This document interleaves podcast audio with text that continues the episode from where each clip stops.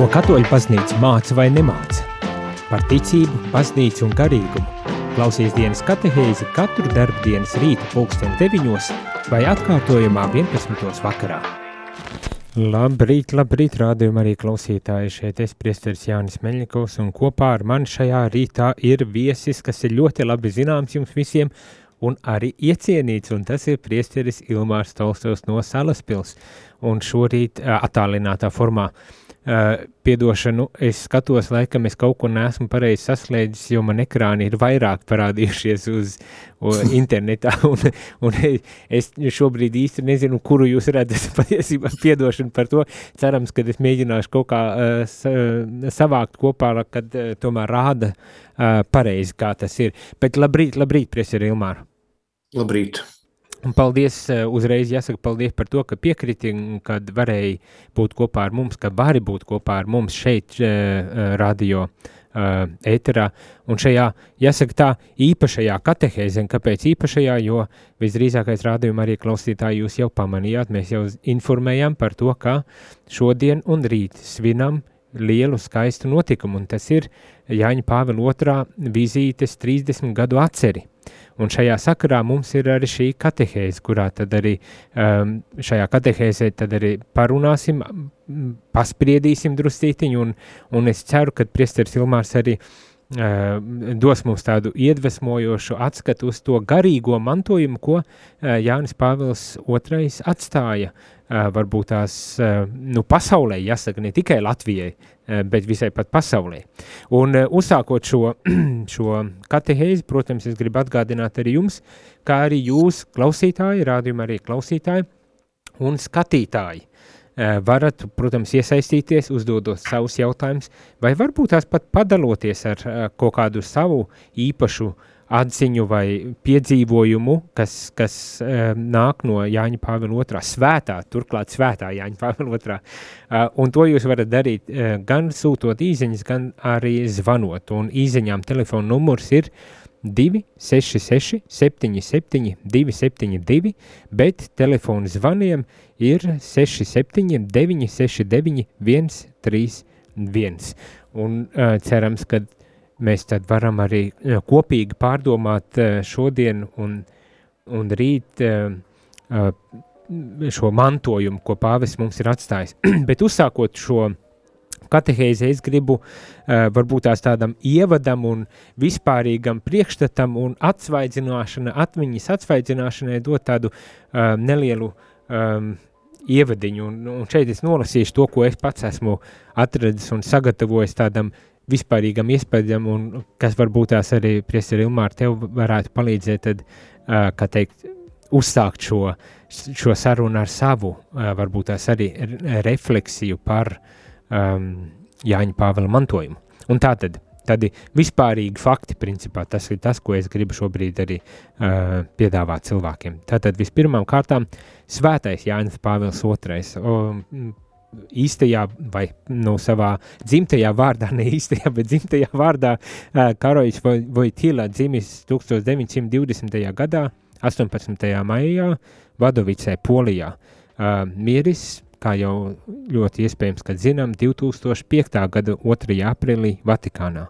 Beatificēts 2011. gadā, 1. maijā, ļoti ātri un kanonizēts 2014. gadā 27. aprīlī. Un svētku diena, kurā mēs īpaši atceramies un paceļam savas sirdis un lūkšanas pie, pie Dieva caur svētā Pāvela, Jāņa Pāvela aizbildniecību ir 22. Oktobris. Vēl nedaudz par uh, viņa tādu vēsturi, jo, manuprāt, ir ļoti interesanti un tā vērts, lai arī atsvaidzinātu atmiņu. Tātad um, Romas biskups un Romas katoļu baznīcas galva, pirmais neitāļu pāvests 455 gadu laikā, un pirmais no slāvu zemēm, no Polijas tātad nācis. Otrā pasaules kara laikā mācījās priesterības studijās Pagrīdes seminārā Krakovā, un gadā 1946. gadā tika iesvētīts par priesteri.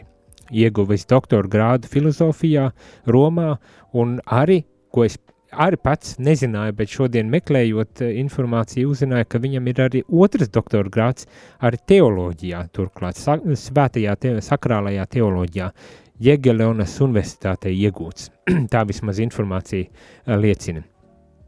Uh, ir, kā zinām, kļuva par Krakovas arhibīskapu, vēlāk par kardinālu, un pēc Jāņa Pāvila pirmā nāves uh, 1978. gadā uh, tika ievēlēts arī par uh, pāvestu. Viņš arī kļuva ļoti, ļoti pazīstams ar savu enerģiju, harizmu un, protams, arī intelektu. Uh, uh, varbūt tās dažu brīdi uh, pat nedaudz kritizēts par ko daži avoti vismaz sauc par tādu konservatīvu nostāju attiecībā, īpaši attiecībā, kas saistās uz seksuālo morāli, um, tātad uz visu šo seksuālo sfēru. Um, 1981. gadā svēto Jānu Pāvilu II uh, sašāva kāds turku uh, cilvēks svētā Pētera laukumā, bet pēc atveseļošanās viņš pat uh, dodas un uh, savā ziņā uh, piedošanu dod arī šim uh, slepkavības uh, mēģinājumam. Uh,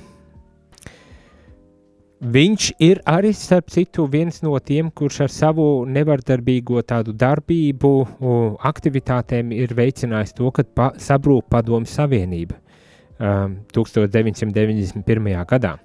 Uh, zinām, ka uh, viņš ir viens no pāvestiem, kurš ir visaktīvāk vai pat uh, pirmais tā, tik lielu ceļošanu izveidis, uztaisījis, un tajā skaitā viņš bija ar Baltijas valstīs un Latvijā um, 93. gadā no 8. līdz 9. septembrim, un tādēļ mēs arī šo, šīs dienas, šodienu un rītdienu arī centā, centīsimies piedāvāt ar nelieliem ieskatiem pāvestā Jāņa Pāvila otrā tādā garīgajā mantojumā.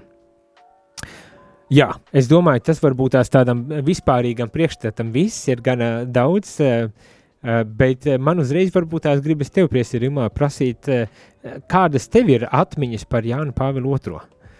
Jo es domāju, ka tu piedzīvoji un varbūt tās pat sekoji līdzi viņam. Vismaz es sekoju līdzi, es biju vēl pusaudzis tikai un dzīvoju saldū, bet es atceros, ka televīzijā redzēju viņa vizīti Latvijā. Kā ir ar tevi? Es vakar atklāju, ka es maģistra darbus rakstījis par trim viņa encyklikām. Un, eh, jā, es biju aizmirsis 13. gadā. Un, eh, jā, man kaut kādā ziņā, protams, sentiments pirms divām nedēļām bija pats Vadovicos, biju Kalvārija Žebžidovska, gāja to pašu ceļu, kur gāja Jānis Pauls II, jo tad, kad viņam agri aizgāja mūžībā māte, tad viņa tēvs no Vadoviciem aizveda mazo Karolu uz šo sanktuāriju Kalvārija Žebžedovska un pateica, lūk, jaunā Marija, tā tagad būs tava māte. Un tas arī iezīmē visu Jāņa Pāvila otrā pontifikātu. Es domāju, jā, viens ir runāt eh, par viņu sentimentālā veidā. Es bieži esmu uzsvērs, ka mūsu tautas eh, nu, pārstāvjiem, cilvēkiem ļoti patīk viņa svētbildī turēt lūkšanu grāmatiņā, atcerēties viņa šos eh, pravietiskos žestus kā piemēram zemes skūpstīšanu, ko viņš bija paņēmis no eh, svētā Jāņa Marija Vieneja, eh, kā piemēru, citu arī tad, kad viņa aizsūtīja kā jaunu doktoru uz mazu, mazu draudzīti Krakovas diecēs pierobežā, tad visi Krakovas profesori šausminājās, kā tas var būt, ka jauno doktoru aizsūt uz to saucamo čukņu, bet viņš iebrauc tajā draudzē uzreiz pie robežas, noskūpstīja zemi un veica aktīvu pastorālo kalpošanu šajā draudzē. Eh, protams, eh, viņa dzīve, viņa, viņa devums ir milzīgs, un jāsaka, ka viņš bija pravietis, jo jau tad, kad viņš satikās ar svēto tēvu Pio, nezinu, cik tas ir autentiski, bet tāds stāsts ir, ka tēvs Pio jau viņam bija kaut kādā veidā pravietojis, ka viņa dzīve būs īpaša, ka viņu Dievs ir izvēlējis. Un mēs redzam, ka Dievs viņu sūtīs. Bet es domāju, viennozīmīgi mums jāatcerās arī, ka viņš ir sarakstījis šīs 14 encyklikas, plus vēl apustuliskos pamudinājumus. Un, protams, viņš kā e, ētikas pasniedzējs un e, darbojās ar ētikas katedrā gan Krakovā, gan brauc ar uz manu Ljubljanas katoļu universitāti. Un es vienmēr, ejot pa gaitiņiem, noeju garām tai telpai, uz kuras durvīm uzrakstīts šeit pasniedza Karols Vojtila un iet tajā kabinetā. Tas vienmēr bija tā īpaši. Bet kas ir pārsteidzoši, ka šajās viņa encyklikās kuras, jā, protams, ir filozofiskas, tomēr ir ļoti klātesošs, spēcīgs teoloģiskais lādiņš, un īpaši tas, ka viņš Jēzu Kristu lika savas dzīves centrā. Protams, viņš ir uh, Marijas dēls, bet uh, viņam Jēzus Kristus bija vienīgais pestītājs, vienīgais kungs, un, un šī doma par, par to tādu Kristus centrālo vietu viņa paša dzīvē un baznīcas un pasaules dzīvē, tas ir ļoti spēcīgi jūtams viņa dokumentos un viņa mācībā. Nu, jā, uh, tu saki, ka Kristus ir centrā, un es tam arī piekrītu, bet man personīgi tā skatoties atpakaļ, un es neesmu nekādā ziņā tur īpaši uh, um, studējis viņa, viņa darbus, bet man savukārt šķita, ka viņam tieši arī cilvēks ir bijis ielikts centrā, nu tādā ziņā, ka viņš tiešām risināja uh, cilvēku kaut kādas problēmas un lietas savos, savos darbos, savās, savos rakstos, ne, viņš mēģināja uh, nevis tā abstrakti ne abstrahēties no, bet viņš tiešām ir un, protams, man te uh, lielā mērā nāk, protams, prātā, kas attiec uz viņa uh, uh, morāli uz seksuālo sfēru, ne? bet ne tikai, protams. Jāsaprot to, ka viņš kā ētikas speciālists piedalījās Vatikāna otrajā koncilā, un viņam bija šī misija, un tā bija ne tikai viņa, tāpat arī Jozefam Ratzingeram, arī Īvam Kongāram, Rāneram un citiem jaunajiem teologiem, arī filozofiem. Viņiem galvenais uzdevums bija arī pāriet no tā saucamā Eh, esenciāla ontoloģisma uz eksistenciālo personālismu. Nu, tādā vienkāršā valodā runā. runā Gribēju teikt, nu, tagad paskaidrot.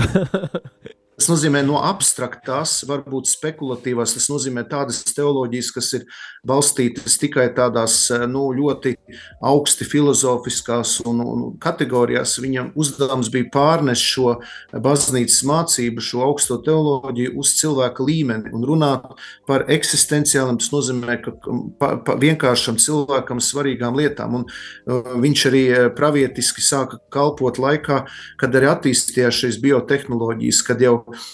Pāvests Pāvils VI bija izdevis encikliku, ja, Humane Vite, kur runā jau par e, cilvēka cieņu tieši šajās laulāto attiecībās. Un viņam vajadzēja šo, šo līniju, šo virzienu, e, kas bija arī filozofijā ļoti spēcīgi attīstīts, šis personālisms, ja, šī, šī personālistiskā etika, tas bija ļoti svarīgs uzdevums viņam. Un Viņš to darīja pēc labākās sirdsapziņas un svētā griedvesmas, un mēs vienkārši tagad varam apbrīnot, kā Karols Vojtīlā arī Jānis Pauls II spēja mm, visas šīs šos virzienus, šos strāvojumus integrēt. Tas bija milzīgs, uh, milzīgs viņam uzdevums, un to viņš veica nu, vienkārši spīdoši. Ja? Joprojām mēs varam apbrīnot šo viņa tādu pravietisko skatījumu, pravietisko stāju, un, un arī pat, ja viņam pārmet šo konservatīvo nostāju, tomēr tā bija vairāk vērsta uz eh, cilvēka cieņas aizsardzību jau no ieņemšanas brīža līdz viņa godpilnai nāvei. Tātad viņš iestājās par katra cilvēka tiesībām, sākot jau no cilvēka mātes miesās līdz pat, eh, līdz pat eh, pēdējiem viņa mirklim. Un to viņš darīja visādos veidos, kur vien viņš devās. Viņš atgādināja par cilvēku cieņu arī diktatūrās, ar ideoloģijās. Ja viņš pats tam bija gājis cauri. Viņš pats bija redzējis gan eh, komunistisko režīmu, gan fašistisko režīmu. Viņš bija uz savas ādas izdzīvojis ļoti daudzas traģēdijas un drāmas. Un tāpēc viņš jau nerunāja tikai to, ko bija izlasījis grāmatās vai iemācījies studijās. Tā bija viņa dzīve. Un tādā veidā viņš kļuva par šī mūsu, mūsu dienu laikmeta izcilāko pravietu. Tāpēc mēs viņu atceramies. Tāpēc mēs viņu arī tagad kā svētu arī godinam un piesaucam mūsdienu īpaši vieglajos izaicinājumos. Nu jā, jo man arī, kad es tā domāju un, un skatījos un meklēju par pāvesta Jāņa Pāvila otrā mantojumu, tad eh, personīgi divi tādi vārdi īpaši izcēlās, un es tā arī sapratu no visa, kad uh, tas tā, tā pamats vai tas avots viņa, viņa tādai iedvesmai, um, gan rakstiem, gan runām, gan visai viņa darbībai izriet no tās pagātnes pieredzes, kuru viņš piedzīvoja. Nu, tas ir, es domāju, šos ar padomi laikus, vai ne? Bet tātad uh, divi vārdi, ar ko es tā kā raksturoju viņa arī uh, mantojumu priekš sevis, ir uh, viens ir brīvība, uh, kad viņš ļoti iestāja, piedošana, ļoti iestājās par brīvību, un otrs, ko tu arī pieminēji, tieši to cilvēku cieņu un, un, un cieņu no vis, uh, cilvēku cieņu vai pat dzīvības uh, neaizskaramu cieņu, uh, varbūt tās pat tā varētu to nosaukt, un cik ļoti aktīvi un nenogurstoši viņš to arī centās nokomunicēt cilvēkiem, un, un protams, tas es domāju, izrietot no viņa pagātnes pieredzēm, tas bija vēl jo efektīvāks, vei, efektīvāk nekā tikai tādā teoretiskā līmenī e, runājot, bet viņš to ļoti labi mācīja gan šo e, e, intelektuāli apstrādāt un pasniegt, gan arī emocionāli to nokomunicēt cilvēkiem. Vismaz man, man personīgi tāda, tāda sajūta ir bijusi. Jā, un viņ, viņam arī jau no agras priesterības gadiem, agriem priesterības gadiem, bija arī spēcīga saikne ar harizmātisko kustību. Un viņš ļoti labi jūta svētā gara, ja tā var teikt, strāvojums. Viņš, piemēram, arī bija tas, kurš, ne, nevar teikt, cīnījās, bet darbojās, lai, lai ne, nu, ne rehabilitētu, bet lai baznīca atzīstu svētās Faustīnas Kavaļskas vīzijas. Viņš tāpat tikās ar dažādiem mistiķiem, Eh, viņš nebaidījās varbūt no tādiem baznīcas kaut kādiem fenomeniem, kuri tādiem, varbūt, es teikšu, tādiem sausiem teologiem, vai, vai varētu teikt tikai tiem, kas baznīcu redz tikai kā hierarhisku struktūru.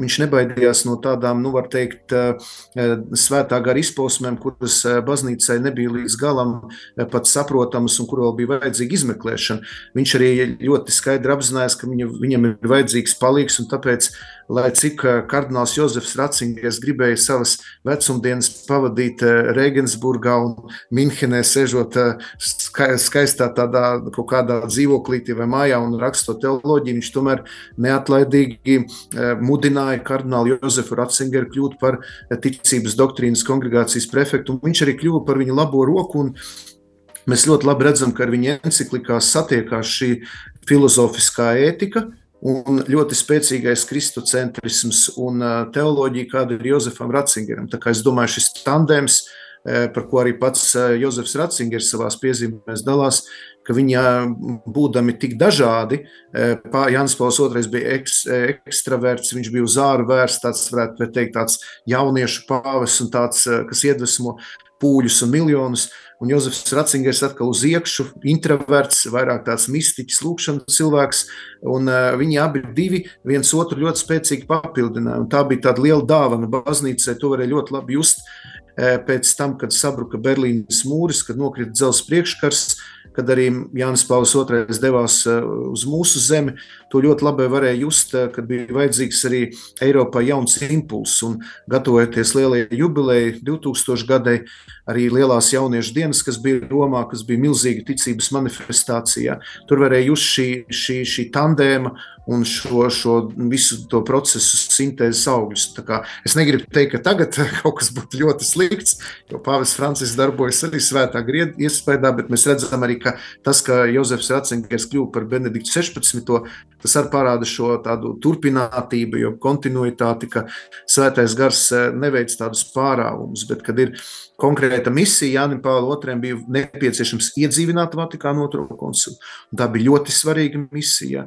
Pēc koncila bija vajadzīga šī reforma iedzīvināšana, to viņš darīja gan ar encyklikām, gan ar savu piemēru, ar vizītēm un vispārējo. Un tālāk Jozefs Ratzingers atkal bija sūtīts eh, kaut kādā veidā arī varbūt eh, mazliet sakārtot liturģiju, mazliet norādīt uz spēcīgiem akcentiem, gan liturģijā, gan teoloģijā.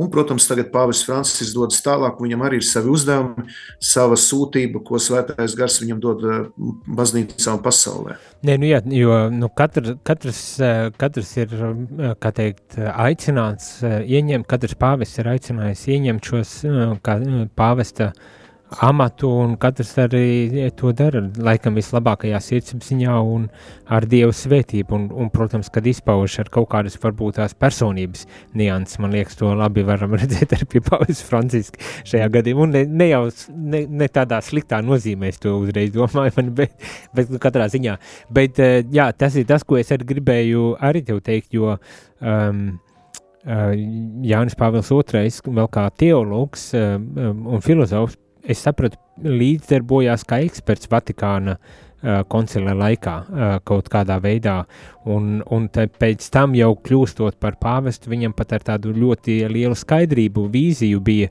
um, tāds kā uzdevums bez maz vai tagad to visu teoriju, Vatikāna otrā koncila dokumentus tagad likt lietā un, un parādīt, kā tas dzīvē baznīcā uh, var tikt piedzīvots un izdzīvots, un, un man šķiet ļoti lieliski viņš to arī uh, izdarīja.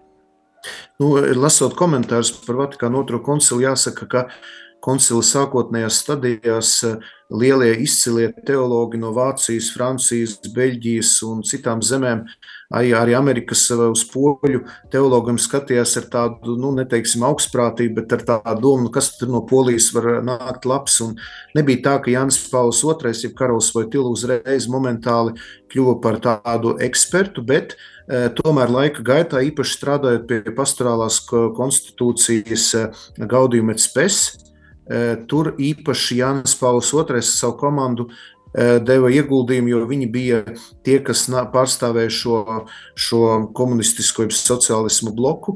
Un eh, daudzus tādus sociālus jautājumus viņi ietekmē. Tā kā var teikt, Jā, Jānis Pāvils II darbojās pie šī dokumenta, un eh, vēlāk arī, kad jau viņš kļuva par pāvestu, viņam arī šie sociālai jautājumi kļuva ļoti, ļoti svarīgi, īpaši, kas skar Latīņu Ameriku, kas skar nabadzību, Eh, mums tagad liekas, ka eh, Pāvils Francisks aktualizējas nabadzības jautājumu vai sociālās nevienlīdzības jautājumu, bet tomēr Jānis Pāvils II ļoti iestājās eh, pret mafiju, pret noziedzībām, mm, narkotiku tirzniecības struktūrām, īpaši, kas skar Dienvidameriku. Tā kā viņš visās vizītēs, kur devās, ļoti runāja, ļoti pat asi iestājās pret sociālo netaisnību, pret dažādām verdzības formām, un tur var redzēt viņa šo gaudījumu, šo Eh, tieši par baznīcas mūsdienu pasaulē, viņa tāda, tādu darbošanos jau Vatikāna otrā koncila laikā.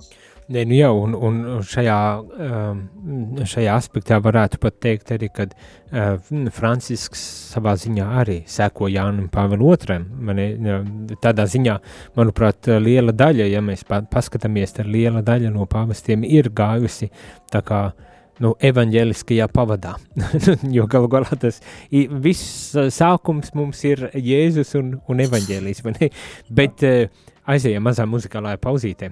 Rādījumā arī klausītāji, jūs, ja vēlaties iesaistīties, uzdodot jautājumus, vai varbūt tās uh, padaloties ar saviem nu, iespaidiem vai uh, savu kaut kādu uh, bagātību, ko jūs esat paņēmuši no pāvesta Jāņa Pāvila otrā, uh, tad to jūs varat darīt sūtot īziņas vai zvanot. Īziņām telefona numurs ir 266 77 272, pēc zvaniem 679 69 131. Pēc muzikālās pauzes atgriežamies un tad paturpinam ar šo sarunu par Jāņa Pāvila mantojumu un iespaidu uz baznīcu un pasauli, tā skaitā uz Latviju.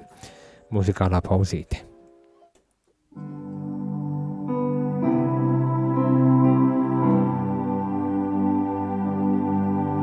Jēzus saka man,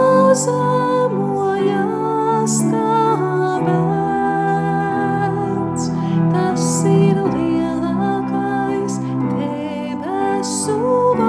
pazemojas tāpēc,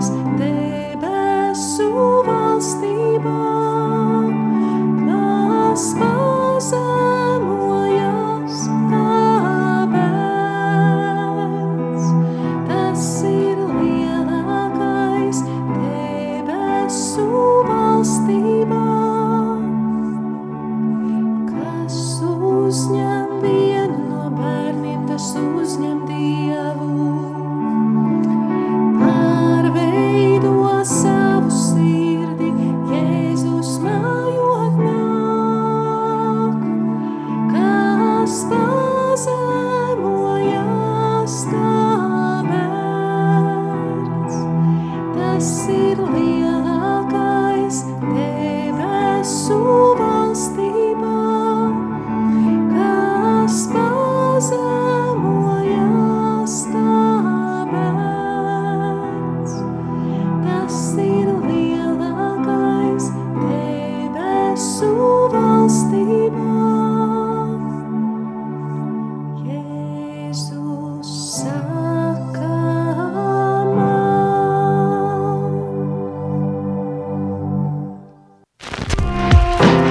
Klausāties dienas katehēs, kas ir iespējama pateicoties jūsu ziedojumam. Paldies!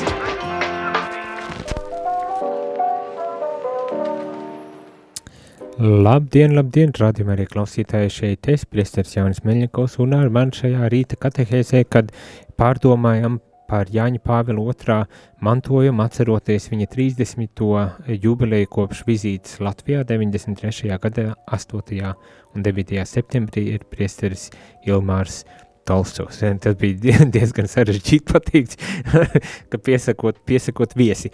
Bet uh, mēs turpinām sarunu par Jāņa Pāvila otrā, manto, svētā Jāņa Pāvila otrā mantojumu un uh, atgādinu vēlreiz telefonu numurus arī jums klausītāji, ja vēlaties varbūt tās padalīties vai uzdot kādus jautājumus, tad to jūs varat darīt sūtot īziņas 266 77 272 vai zvanot 67, 969, 131. Priesteri Ilmār, turpinot šo, šo sarunu, gribas uh, protams, kad viņa mantojums ir milzīgs, viņš ir sarakstījis eh, gana daudz encyklikas, un to arī pieminēja pats eh, pašā sākumā, kad es pat savu maģistra darbu izstrādājis uz viņa, dažām no viņa encyklikām. Un es domāju, viena otra encyklika ir ļoti labi zināma plašajā pasaulē, un tā skaitā arī Latvijā. Bet varbūt tās ir, varbūt tās tu vari nedaudz tādu kā, nezinu, ievadiņu šajā, šajā encykliku darbu, uh, tādu ievadiņu iedot mums uh, priekšstatu par to, cik plaši viņš ir patiesībā arī rakstījis. Jā, tātad 26 gadu laikā, kopš viņš bija kā pāvis, viņš pasludināja 14 encyklikas. Jāsaka, vēsturiski vārds encyklika tika lietots no 7. gadsimta. Pirmais šo vārdu lietoja Mārtiņš I pāvests un sākot no pāvesta Benedikta 14. encyklikas nosaukumā tiek izmantoti tās eh, encyklikas teksta pirmie vārdi. Un encyklika tas ir eh, tāds dokuments, eh, ko jau lietoja apstuļi, kad viņi rakstīja vēstules draugiem. Tad pāvis raksta gan baznīcai, sabiedrībai tekstus par kādiem aktuāliem, svarīgiem jautājumiem. Un pirmā viņa encyklika bija Redemptor hominis, cilvēka pestītājs. Tā ir pirmā encyklika, kas ietver pāvesta programmu. Un tur viņš tieši raksta par cilvēku, kas ir pirmā un pamat, pirmais un pamat ceļš baznīcā. Un, protams, viņš encyklikā runāja par cilvēku cieņu, ka viņš ir radīts pēc dieva attēla līdzības un viņam pienāk šī cieņa. Nākamā encyklika 1980. gadā Dives in Misericordija par dieva žēlsirdību, un viņš runāja par to, ka dievs ir gan taisnīgs, gan, protams, arī žēlsirdīgs, un daudz runāja par to, ka ir svarīgi nu, mīlēt cilvēku, un arī dievs mīl katru cilvēku un ir žēlsirdīgs. Mhm. Tad ir laboram exercens par cilvēka darbu, Tas bija 1981. gadā, un tā eh, sevi ietver baznīcas sociālo mācību. Tā tad jautājums, kas skar eh, dažādas jautājumus par ekonomiku, par eh, darbinieku cieņu, par arotbiedrībām, tad aizstāvēt strādājošos un jautājumus, kas skar sociālo mācību. Tad Slavorum apostoli 1985. gadā tātad slāva apstuļi, tas ir vēstījums par baznīcas misijām un norāda uz Cirilu metodija lielo ieguldījumu slāvu tautu evanģelizācijā. Tā kā arī pavis nāk no slāvu tautas, kas ir poļu tauta, tad viņš to īpaši arī izcēla.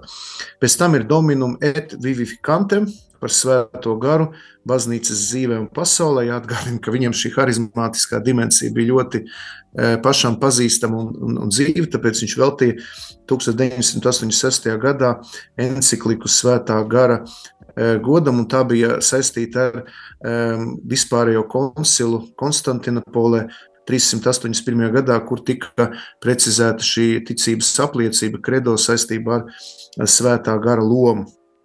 Pēc tam 1987. gadā Redemptoris Mater, pestītāja māte, veltīta jaunavas Marijas lomai, un saist, pāvis arī saistīja jaunavas Marijas lomu baznīca arī ar sievietes lomu, runāja par sievietes cieņu, par to, ka sievietēm pienākas cieņa, un varētu teikt, viņš aizstāvēja sievietes cieņu baznīcā un sabiedrībā.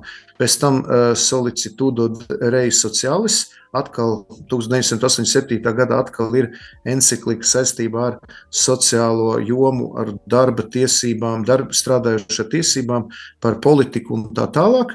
Pēc tam ir Redemptoris misio 1990. gads, tā ir veltīta evanģelizācijai. Jāatgādina, ka jau Pāvests Pāvils VI bija uzrakstījis adhortāciju pamudinājumu Evangeliju Nunciandi, un šī encyklika turpināja šo iesākto ceļu, runāja par misiju svarīgo nozīmi, jo pēc Vatikāna otrā koncila likās, ka nevajag vairs doties misijās, jo visi taču ir pestīti, anonīmais Kristus ir citās reliģijās, un ko tad tagad brauc sludināt. Ja?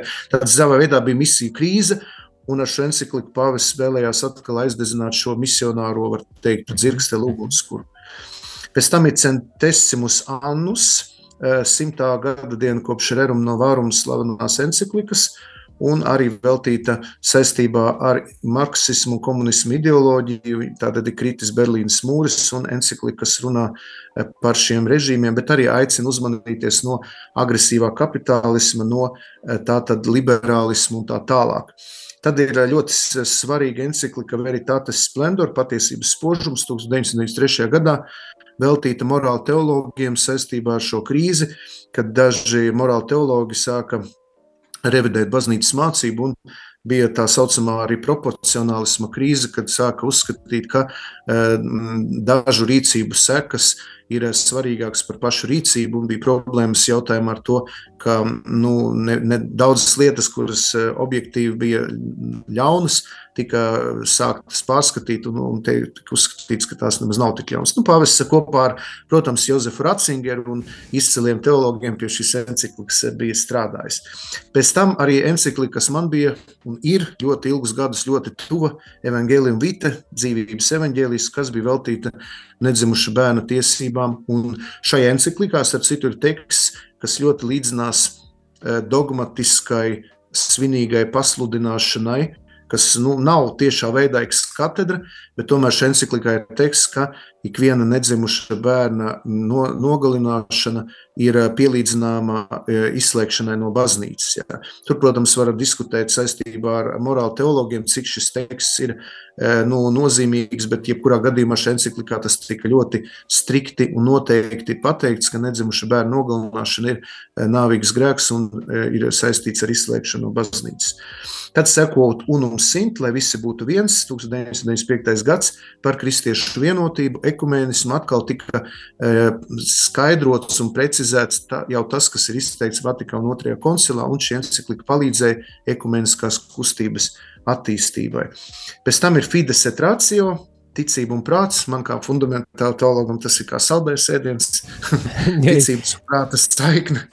Un uh, tas, ka mūsu, mūsu ticībā ir divi spārni, tātad prāts un ticība iet roku rokā, un ka mēs neignorējam uh, racionālo saprātu. Un tas veikt ar tic, uh, kā, kā teologi saka, Fides kvarens intelektum, tā ticība pieprasa prātu, un prāts nevar dzīvot bez ticības apgaismojuma. Un kā pēdējā encyklika Eklezija Neuharistie, tas bija saistīts ar Euharistie veltīto gadu, un pāvests arī, kā, tā arī viņa kā noslēdzošā encyklika, kur viņš ļoti spēcīgi runā par Euharistijas lomu baznīcā, par svēto misi, par to, ka ir svarīgs šis mielas, ka ir svarīga Euharistija ir svarīga baznīca un atrodas baznīcas dzīves centrā. Mm. Tas ļoti ātrs skrējiens, bet lai mēs saprastu tās tēmas, un tas arī bija tās, tās bija arī tās tēmas, kas pašam pavastam bija svarīgas, gan sociālā, gan, gan cilvēks kā vērtība, gan misija, gan, gan sievietes loma. Mēs redzam, ka dzīvības vērtība, jā, tas viss bija pavastam ļoti svarīgs. Jā, es tā arī gribēju teikt, ka nu, izklausās, ka tas, tas, tā amplitūda, kurā viņš raksta un kas viņam ir pašam tuvu un kur viņš aicina arī ieklausīties, ir no tāda ļoti liela, beidzamā par evaharistiju, nu, tā ir tāda ļoti teoloģiska, es neesmu gan lasījis Jānisīs, bet izklausās par tādu ļoti specifiski teoloģisku lietu, un tad ir atkal sociālās sfēras, kas arī apskatītas, un, un, nu, un protams, ticība un prāts, tā ir, tā ir encyklika, ko es esmu lasījis, un kas man pašam ar, protams, ir tuvu, un jo īpaši tādēļ, ka pats nodarbojos, mēģinu nodarboties kaut cik ar filozofiju, Līdz ar to, protams, ka, ka tā ir īpaši uzrunājusi, un es arī principā gribēju nu, no manas puses tā arī paprasīt, un izklausās, ka, kā tu teici, kā fundamentāli teologam, tā arī ir viena no tādām būtiskākajām enciklikām. Bet es tieši gribēju paprasīt, jo, manuprāt, arī mūsdienās ar šodien tas vēl joprojām ir aktuāli šis, šis jautājums par ticību un prātu, un kad tīpaši man tāda sajūta vismaz Latvijā, e, cik, cik es tā kādos ceļojumos braucot, nesmu tik ļoti pamanījis, varbūt tās e, nepietiekoši ilgi tur jā, pavada laika, lai to pamanītu, bet tāda sajūta, ka Latvijā ticība un prāts vēl joprojām tiek uzskatīti kā tādi ienaidnieki viens otram. Ka netiek saskatīts kaut kādas uh, iespējas, uh, ka ticībai būtu jāinformē prāts un otrādi, vai ne, ka mums tāds nodalījums un pat, pat tāda sajūta ir, ka tas, tas notiek ne tikai tādā, un varbūt tās pat mazāk tieši tādā akadēmiski intelektuāla līmenī, kā, kā vairāk tieši tādā ikdienas ticības uh, līmenī, uh, vai, vai kā, kāds tev ir priekšstats par to, vai saprat, ko es domāju, vai Jā, nu, svētais Akvīns Toms ir teicis šādus vārdus: visa patiesība, vienalga, kas to sludina, izriet no svētā gara. Jā. Viņas toms, mēs nevaram viņam pretoties, viņš ir mūsu izcilais teologs. Es domāju, ka tas ir saistīts kaut kādā veidā ar bailēm, jo tad, kad cilvēks baidās varbūt pazaudēt savu ticību, tad uh, sākas uzbrukums visam tam, ko es nepazīstu. Man ļoti uzrunāja kāda žurnāliste, kura teica, nu, mēs runājam par to, ka daudzi ticīgie tur ieļaunojas un ja uzzina kādas negācijas baznīcā vai, vai vienkārši kaut ko, kaut ko uzzina saistībā ar savu ticību, kas nav, nav varbūt tāds patīkams, viņi aiziet no baznīcas. Un tad uh, viena žurnāliste man teica, nu, jocīgi jums tā ticība, ka jūsu tie sekotāji tik ātri no viņas aiziet.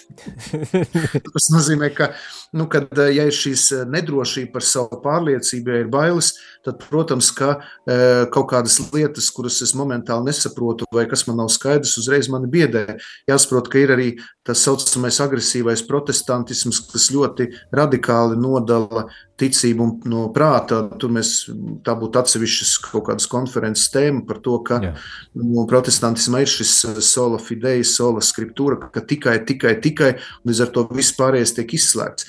Bet mēs kā katoļi vienmēr esam eh, gājuši šo vidusceļu, vienmēr notikuši šī sintēze, eh, gan baznīca, gan arī ticīgie vienmēr ir redzējuši arī mm, pasaulē daudz labo un vienmēr mēģinājuši saskatīt dieva noslēpumaino klātbūtni gan radībā, gan radīties lietās, jo dievu jau nevar ieslēgt tikai drukātajā tekstā, dievu nevar ieslēgt tikai baznīcā. Viņš ir daudz plašāks nekā mēs to spējam iedomāties. Tāpēc, protams, ka mēs neizšķīstam liberālajā plurālismā, bet mēs ejam šo iekļaujošo ceļu. Mēs spējam saskatīt dieva klātbūtnes zīmes, nospiedumus, varbūt pat citās reliģijās, citās kultūrās, mūsu kultūrā. Ja? Un tas, tas, ir, tas ir tas ceļš, kuru mēs esam gājuši visus šos 2000 gadus. Tas nav nekas jauns. Tikai nu, Latvijā mēs dzīvojam tādā sabiedrībā, kādā esam, un nu, ir vajadzīga šī izglītošanās, mums ir ārzī, mums ir dažādi semināri, rekolekcijas, konferences, radio Marija. Tātad mēs veicam šo darbu, izglītojam, lai kļūtu nu, gudrāki un, un prātīgāki un spētu saprast šo, šo saikni. Vai ne vēl joprojām tādā meklējumā? Protams, tas nebija ar tādu domu, vismaz negribēja arī tā radījuma arī klausītāji, negribēja nokritizēt pilnīgi viss, neņemiet ļaunā tādā ziņā, bet, bet tas tāds vismaz mans novērojums, ka kaut kā ļoti radikāli mēģinam varam nošķirt šīs lietas. Un, un paldies par tavu komentāru, Prieseri Ilmār, jo man šķiet, eh, nu, es, es varu tikai piekrist, vai ne, kad eh, mēs varbūt tās tiešām par lieku par daudz baidāmies, un, kā zinām, bailes nav no dieva, un, un bailes uh, var būt par pamatu traģēdijām, kas varētu notikt mums. Bet atgriežoties pie, Mums jau vairs daudz laika nav palicis, atgriežoties arī nedaudz pie Jāņa Pāvila otrā. Man gribas uh, arī nu, tev prasīt tādu personīgu, varbūt tās ar kaut kāda pieredze ir bijusi ar Jānu Pāvilu otro, uh, kāda tikšanās vai, vai kaut kas tam līdzīgs. Uh. Divas reizes es bijis viņam ļoti tuvu. Viena reize bija Kanādā, kad es biju Pasaules jauniešu dienās Toronto. Viņš nobrauca man garām. Un otrreiz es biju arī Romā uz audienci, kad vēl biju diakons. Bet jāsaka, ka mani iesvētīja 2005. gada 30. janvārī, un 2005. gada aprīļa sākumā Jānis Pāvils II devās uz debesu tēva mājām. Un man bija ļoti spēcīgi, ka es kā jauns priesteris dažus mēnešus vēl viņu pieminēju Euharistiskajās lūkšanās, Un arī tā viņa aiziešana bija ļoti spēcīgs, nu, tāds, varētu teikt, impulss priekš manis. Es to izdzīvoju, ka jauns priesteris, bija daži mēneši pēc manas ordinācijas, un es tad kalpoju ogres draudzē. Es atceros, mēs izveidojām tādu, dabujām viņa attēlu, uzlikām sveces un puķis, un bija lūkšana vakars. Un tajā brīdī, kad viņš aizgāja mūžībā, tā bija sestdiena pirms žālsirdības svētdienas, Mēs bijām Skaiskalnē kopā ar kustību par dzīvību. Mums bija eh, rekolekcijas, kurās mēs eh, pārdomājām par eh, nedzimuša bērna tiesībām dzīvot un salikām garīgās adopcijas solījumus. Es atceros, rietēja saule, bija ļoti skaists pavasara diena, bija tāds nu, vakars, bija tiešām tāds īpašs vakars. Un mēs kaut kā arī sekojam paralēli līdz, kas notiek, un tad sekoja šī ziņa, ja nemaldos, kaut kādos 21, 43 vai cikos, paziņoja, ka Jānis Pauls II devies debesu tā mājā. Tas bija žēlsirdības svētdienas priekšvakarā. Tā bija tā diena, kur viņš bija iedibinājis. Tas bija saistīts ar Svēto Faustīnu. Tur bija ļoti daudz pravietisku tādu mirkļu, un es to atcerējos visu mūžu. Tas bija kaut kas ļoti, ļoti īpašs, īpašs priekš manis, un tas bija manas priesterības sākums. Pēc tam jau e, Benedikts 16. bija tas, kurš man ilgus gadus pavadīja, bet Jānis Pāvils II varētu teikt, kā, nu, bija pašos, pašos sākumos. Pašos sākumos, es domāju, arī tos arī personīgi domāju, ka mm, tā viņa aiziešana bija, es biju seminārists, un, un ka viņa aiziešana bija tiešām tāda ļoti ārkārtīgi emocionāla un, un, un intensīvs periods, pat nebūtu, nesot Romā, kur bija milz pūļi sapulcējušies, lai atvadītos no viņa, pat, pat šeit Latvijā vērojot caur televīziju, tas atstāja milzīgu tādu iespaidu, un sekoja Eh, daudzums sekoja līdz eh, šiem beidzajām, beidzamajām dienām un pat stundām. Viņa tās bija lieldienas tiešām burtiskā vārda nozīmē, kur atvadamies un, un, un, un sveicam debesu valstībā pāvestu. Noslēgumā mums, es skatos, ir arī viens telefons zvans, ko, ko arī noslēgumā uzklausīsim. Lūdzu! Ko arī noslēgumā uzklausīsim. Lai slavēts Jēzus Kristus. Mūžīgi mūžos. No sirds pateicos par šo raidījumu, par Jānu Pāvelu otro priecerim jums abiem. Un uh, bija man tā liela Dieva svētība un žēlstība personīgi satikties ar Jānu Pāvelu otro, kurš man svētīja domu baznīcā. Nekad to mirkli nevaru aizmirst, to Dievu klātbūtni, to mīlestību, to skatu. Nu, vienkārši nav komentāru un uh, to es esmu saglabājis visu savu dzīvi un uh, sakoju viņam līdzi, un viņš ir viens no tiem svētajiem, kas ir kā manā dzīvē. Tiešām no visas sirds pateicos viņam par viņu kalpošanu, un uh, tas, ka viņš tik ļoti mīlēja Mariju, arī mani ir Marija, kā saka, uh, Dieva māte, kas vad ceļā pie Jēzus. Vēlreiz jums visiem pateicos, īpaši Ilmāram Tolsavam par viņa raidījumu, par viņu skaidrojumu un vispār par viņu kalpošanu. Arī jums, Jāni, un Radio Marijai, kad varam būt kopā lūkšanām pateicībā no visas sirds pateicos, lai kungs jūs visus svētī bagātīgi, Benita. Sirsnīgs paldies, Benita. Jā, sirsnīgs paldies. Uh, ļoti jauki dzirdēt arī šādus uh, pateicības vārdus. Uh, ik pa laikam tas iedrošina turpināt uh, šo ceļu. Tā kā liels, liels paldies. Uh, nu, laiks mums iztecējis. Es noslēgumā gribu nolasīt nelielu, nelielu citātu no Pāvesa Jāņa Pāvela otrā atvadu vārdiem Latvijā. Pirms izlidot Rīgas lidostā viņš teica uzrunu, un, un es atradu tādus vārdus, ko gribu arī nolasīt, un kā tādu vēlējumu, es domāju, mums visiem, ir īpaši šī brīža arī Latvijas situācijā, ļoti labi varētu noderēt, un tad lasu. Labais nevienmēr ir izdevīgs. Tā īstenošana prasa drosmi, augstsirdību, arī atteikšanos, taču dāvā mierīgu un drošu savstarpēju sadzīvi.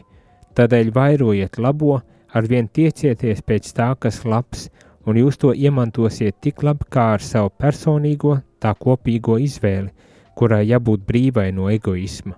Lūk, tieši to es gribu jums vēlēt, atvadoties no Latvijas, tā saka Jānis Pāvils II. Pirms došanās prom es domāju eh, šie vārdi, um, vairojiet, vairojiet labo, uh, manuprāt, izskan viss cauri Latvijai, jāizskan viss cauri Latvijai un ne, ne, ne, neliekot robežas, vai tas ir uh, katolis vai citas konfesijas vai nekristīts vai neticīgs cilvēks, ka labais ir kaut kas, kas varētu mūs vienot un kas varbūt šobrīd arī ir ārkārtīgi pat vajadzīgs. Sirsnīgs Jā. paldies!